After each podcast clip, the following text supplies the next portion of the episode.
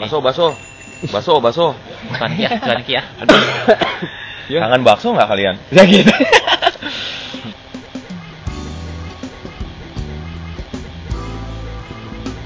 Lu, lu kan Bandung juara sih baksonya segede-gede bola tenis lah apa Ada, bakso. Waduh, Bandung. yang bakso beranak tuh pertama kali di Jakarta. Lu tahu nggak bakso beranak? Oh, dalam bakso ada bakso ya. Ada bakso, ada bakso. Cuman yang Itu di Jakarta kok satu kali pertamanya. Bakso Seption. Bakso pedes yang dalamnya cabe, bakso petasan apa apa lah udah. Tapi sempet tren banget kan yang keju dicampur cabe-cabe Keju. tuh berapa tahun lalu tuh. Ada isi tomat. Mm-mm. Aduh, tomat gua nggak makan ya.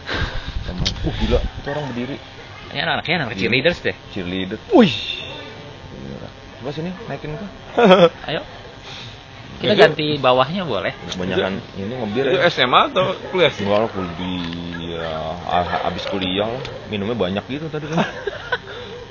Iya, kalau SMA sebenarnya kemungkinan belum minum Belum minum lah SMA di sini Hmm. gila. dan iya.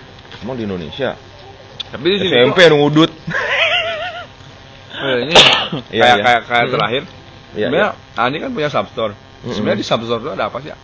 Substore tuh ada apa gitu? Nyediain makanan, kopi, Indo. makanan Indonesia, heeh, sampai Indomie ada Indomie. Ya mak sebenarnya ya makanan, vinil, piringan hitam kita jual juga, buku Hmm. sama kopi, sama soft drink, sama alkohol. Ya kita bikin event juga, bikin live juga, bikin acara DJ juga, bikin acara pendidikan juga, kayak talk show, mana ya ada proyektor sama screen, pemutaran film. Jadi sebenarnya emang nggak tahu tuh tempat apa ya. Kadang-kadang emang kalau ditanyain bingung sih mesti mulai dari mana makanya Nggak ada satu nama yang bisa menjelaskan iya, semuanya gitu kan. kompleks sebenarnya gitu. Cuman ya di dalam satu tempat itu ya ya itu hub lah hub, Hub. Eh, tempat nongkrong gitu lah sebenarnya. Kreatif. Sebenarnya kan gue juga kan bukan orang background masak, dulunya kan desainer gitu, Hmm. graphic design. Cuman ya akhirnya harus survive di Jepang mau nggak mau. Tapi masak masak ngilangin stres sih, jadinya enak. Oh gitu. Suka. Buat lu malah lagi stres. Ngilangin stres banget. Jadi kalau Oh, masak gua. terus orang habis makan enak nggak gitu, aslinya enak banget gini. Waduh, udah dah. Mau harganya murah mahal itu udah kepuasan sendiri. Cuma kalau kebanyakan ya kayak take away Iya, gitu, Malas gitu. Iya kayak nge-gym itu mah. away. Pegel anjing itu. Take away, gila. Panci. iya kan? Apa lu di dapur sekecil itu kan? Dapur iya lumayan kecil sih. Gua di dapur gua yang lebih gede itu tuh udah pasti kecil itu kayak naruh kecil. Iya kita berenam bertiga kan di eh berdua bertiga ya? warna berdua. Iya, berdua, berdua. Gua pernah, pernah bantuin sekali. Cuma belum belum ngerasain take away sih di substore lah ya. Gue ampun-ampunan sih. Cuman ya ya itu sih yang kita jual. Cuman ya hmm, basically tapi emang konsepnya emang ini sih street food di situ gitu. Hmm. Jadi makanan yang makanan kampung lah itu.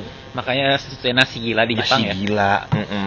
Ya selain di Indonesia nggak ada tuh nasi gila. Uh, tuh si Hedi, Kang Hedi itu barbecue mountain boys itu paling appreciate banget deh. Nasi gila lo ya. Nasi gila pernah gue di sih, syuting emang enak. sebelum barbecue mountain bikin dokumenter. Hmm. Gue pakai kamera gitu gitu. Ayo masak apa? Nasi gila Landik, itu kan signature lu. Nasi gila itu padahal makanan paling jang gitu di Jakarta kan Hmm, itu Di paling Bandung juga jang murah banget. gitu maksudnya murah bukan jang bahannya jelek ya maksudnya Bukan. bener-bener menengah ke bawah habis bro Iya, gitu iya. Street emang apa aja lah. dicampurin gitu iya aduh, ada yang nasi gila yang di sana beda lagi campurannya Bener. sini Bener, macem-macem. bener, bener, bener. sampai gue baca sejarahnya pernah tahu nggak nasi gila itu ceritanya ya di Kemang katanya dulu tuh Hmm. di Kemang itu ada tukang nasi goreng sebenarnya Hmm. 100% nasi goreng nasi goreng biasa gitu Hmm. nasi goreng sama mie goreng tukang tek-tek gitu lah Hmm. abang-abang ada orang gila datang katanya orang gila aduh si abang-abangnya takut. Mau, mau lari gerobaknya gede banget tuh takutnya. "Ah, udahlah orang gilanya pokoknya gue orang gilanya minta makan. Pokoknya gue mau makan dia bilang gitu. Hmm. mau makan gue cuma punya duit segini bikinin. Panik kan si tukang nasi gorengnya si abangnya itu di Kemang katanya. pernah makan tuh gue di tempat itu dan baru tahu di situlah titik Nasi go- nasi gila. Gila.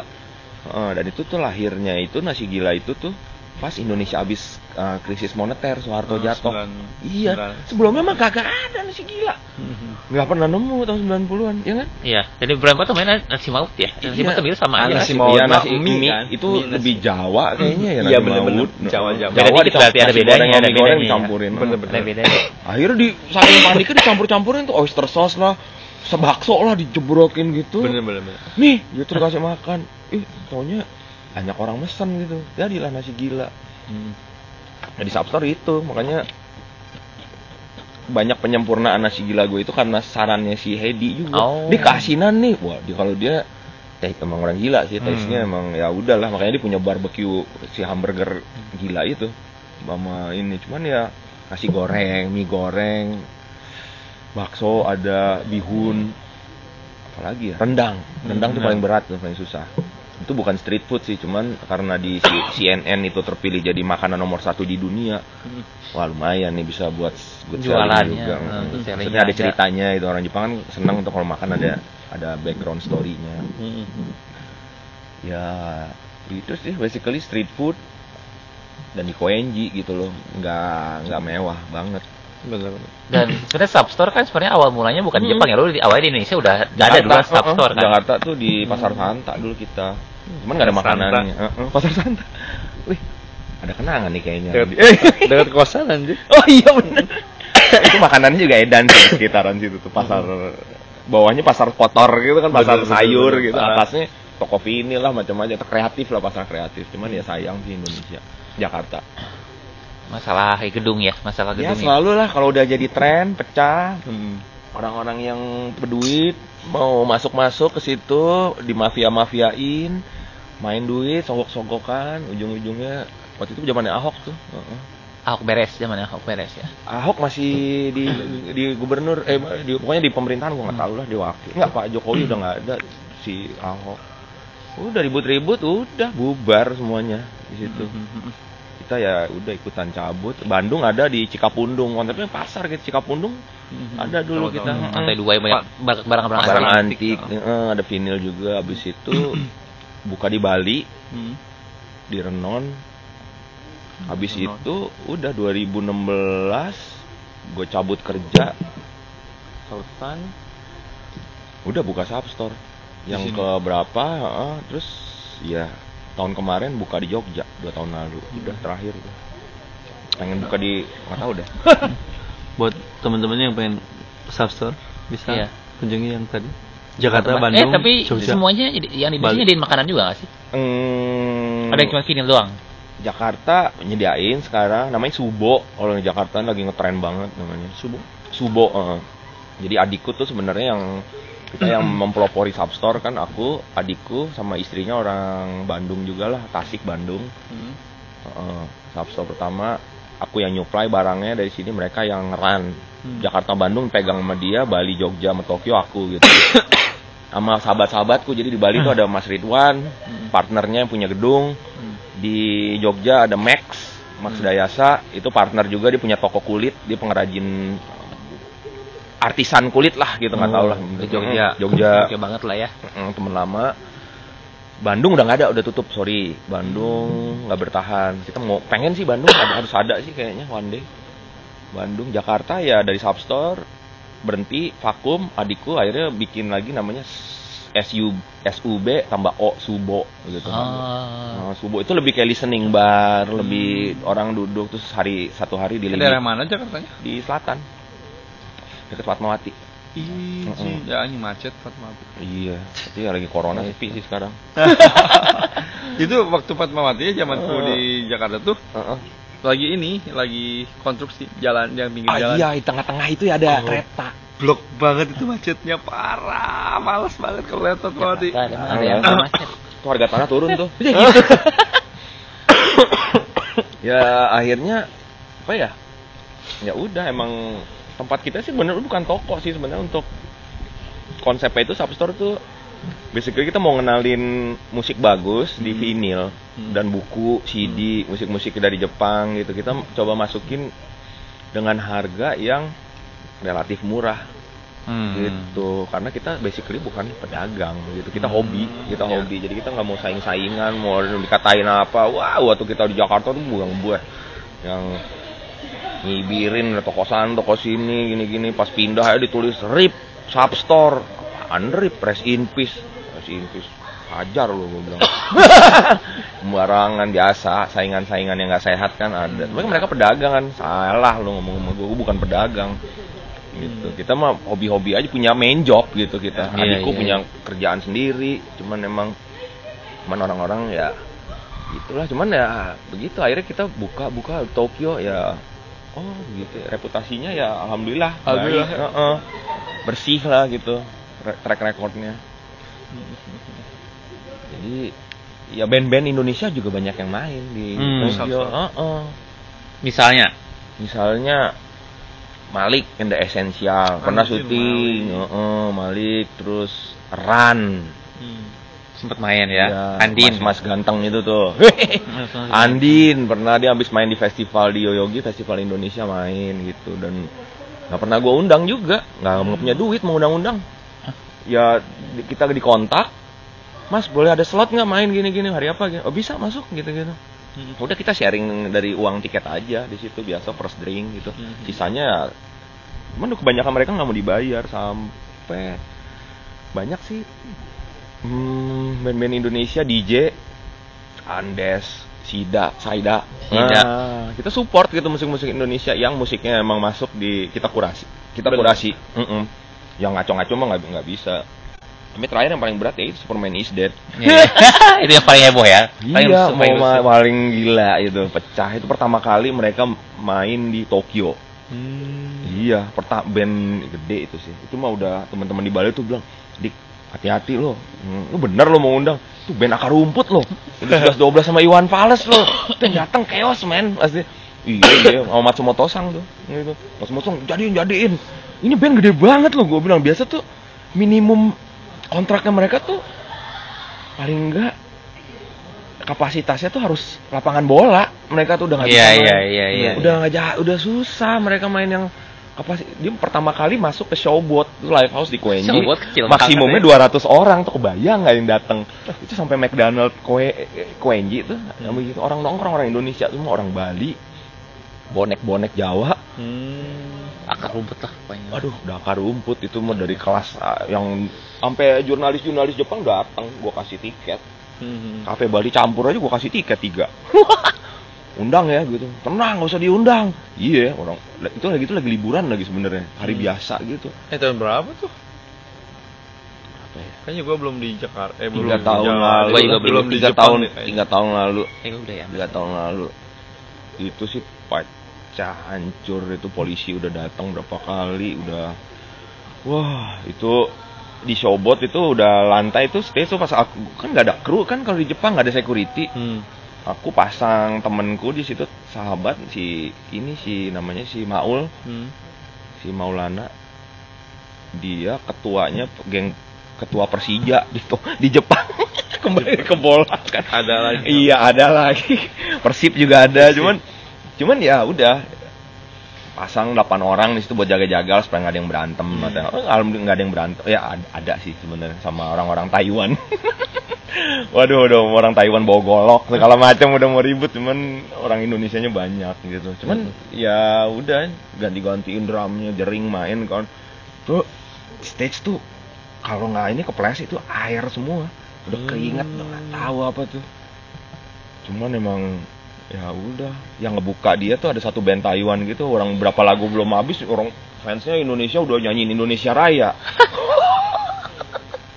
udah bendera Indonesia di mana-mana gue bilang udah ngitung waktu kayaknya satu jam tuh lama banget sih gitu Iya benar.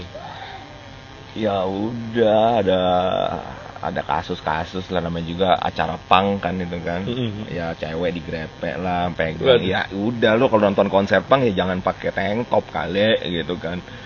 Ribut di luar. Wah siapa nih orang Indonesia lu gini gini geng Taiwan ngomong Indonesia.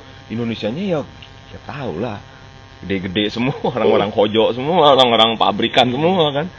Udah udah nangin nggak ada yang bisa ngomong Jepang. Udah udah. Cuman sukses sih mereka happy. Nginepnya di Manuke itu Di Supermanisnya Supermanis. semua Oh, Manuke nginepnya dia. di Manuke Anjir, di Manuke. Manuke guys Di- hotel bintang 6 itu 6 plus plus ada kolam renang ada sauna jacuzzi Enggak, enggak bohong-bohong. Itu guest house pang. iya bak bak. Ini Rizky kan nginep tinggal di ya Manuke ya. Kalian udah sering di ngobrol di podcast sih. Kita Itu ya emang- cerita dikit lah, tapi nggak Iya. detail soal Manuke. Itulah artinya apa? Dulu kan tinggal di Bali emang teman dekat sama anak-anak Superman ini dia apalagi Jering drummernya sekarang masih di penjara kan ya. Orang orang baik mereka. Heeh.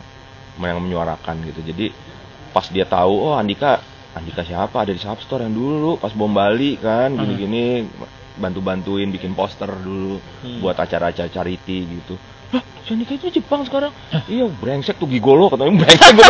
Gigolo. Eh, enak aja lo gua bilang. Gua dapat bini gua bukan di pantai kali. Iya, pantai Kute di pinggir- pas ketemu lu ya gini-gini. Ya, tau sahabat-sahabat lama lah. Jadi gua nggak bisa nolak juga untuk nge-host mereka Hmm. di sini. Cuman udah kelar, udah pas kelar konser gitu kan anterin tuh sampai di stasiun Shinjuku mereka naik bus ke airport. Ya Bobby vokalisnya cuma gitu. Dik, masih banyak ya, jangan kapok-kapok ya. enggak, enggak, enggak kapok. Cuman kalau next time datang ke sini konsernya tempat tempat gede. jangan di Koenji lagi. Wah, cuman kita seneng loh di Koenji loh. Gila, banyak barang vintage itu nggak seneng kan mereka. Hmm, Wah, gitu. sih. Eh, cuman ya gue kaget juga sih pas mereka pulang. Baca-baca ridersnya mereka tuh nggak pernah Aneh-aneh. dia selalu di hotel. Oh, harusnya. Ah, biasanya. cuman biasa. emang pas di Superman is Dead main di sini alhamdulillah tuh manajernya Dodix emang pernah nge DJ juga di Sabtu reggae anak eh, dance hall gitu. Manajernya Superman is Dead ya udah mereka emang oh gue nggak bisa bayar gue bilang. Nggak apa-apa kasih gue tempat tinggal kasih gue uang makan aja buat anak-anak kru nih tiga tambah satu berempat mereka kan peraturannya nggak boleh bawa bini kalau konser Hmm. Ah, gitu nggak boleh ada bawa jadi Pasangan. Nah, ya pasangan. Oh, gitu. Tapi basisnya Eka bawa is- ya, istrinya tuh, ya istrinya. Cuman nggak apa-apa lah lagi liburan kan gitu. Hmm. Bayarin semua, wah udah makan ya traktir ke izakaya mabok gitu. Tiap hari itu tiga hari itu kayak seminggu rasanya. itu yang ngikutin banyak banget Brrr, gitu orang Jepang bukan orang Indonesia yang ngikutin Hmm. mana-mana Heeh, tahu gila lu itu band punk terbesar di Indonesia pertama kali main di Jepang gitu kan Hmm. 11 12 lah sama slang lah mereka. Iya, iya. Oh, oh. Ininya fanatisme si pendukungnya Uh, tuh itu. 11 12. Heeh. Kalau udah ada band mukanya tuh udah pernah ditato, itu udah gede gitu. Ya jering udah banyak banget orang yang nato mukanya dia di badan seseorang gitu kan mukanya. JRX gitu kan. Kak Bim Bim gitu. Bim, bim, bim. itu mah udah akar rumput, udah Oh, kelar iya. gitu. Kalau nggak ngundang stadion bola emang Iya salah, ngundangnya di Showbot 200 orang. Di Rotary sekalian kalau di gue. di Rotary iya iya. Di Rotary akustik, sekalian. akustik gua tuh polisi sih. Iya ya, nggak cukup lah. ya begitulah Substore So, sebenarnya. Jadi kita kita kurasi baik-baik, kita support musik Indonesia, Kesenian juga ya, nggak cuma Kesenian, musik, ah, nggak cuma talk show. Kesenian umum pada umumnya lah. Mm, acara-acara gamelan gitu-gitu. Ya ya cuman ini salah- lagi lagi covid kan sekarang nih. Jadi ya kita coba hold on aja dulu bertahan dulu ya. Sampai Mudah-mudahan- habis Olimpik.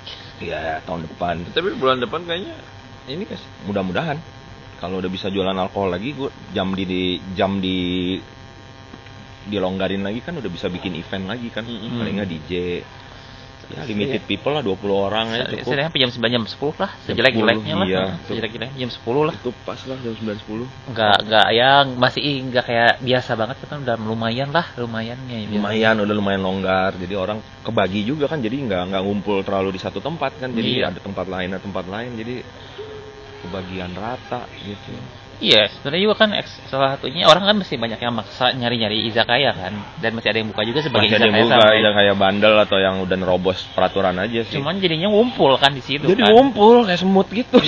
Bener bener bener bener. Aduh, kadang-kadang kalau iya. Sebenarnya kalau di emergency gini kayak apa sosial itu kayak orang-orang tuh ngumpul-ngumpul di mana di mana-mana gitu. Jadi nyari tempat gitu emang. Nyari Jadi tempat. malahan nggak ke kontrol gitu. nggak ke kontrol jadinya ngumpul di saat iya tertitik Hmm. hmm, terpusat jadinya Mana nggak ya ya kita hati-hati aja sih di stasiun di kereta jangan terlalu apa pas jam-jam rush hour tuh paling Iya, bahaya iya. tuh pulang-pulang kantor berangkat kantor hindarin dah kalaupun udah terpaksa naik di situ biasanya gue deket jendela deket-deket pintu gitu yang Hmm. buka terus sudah jangan duduk udah berdiri aja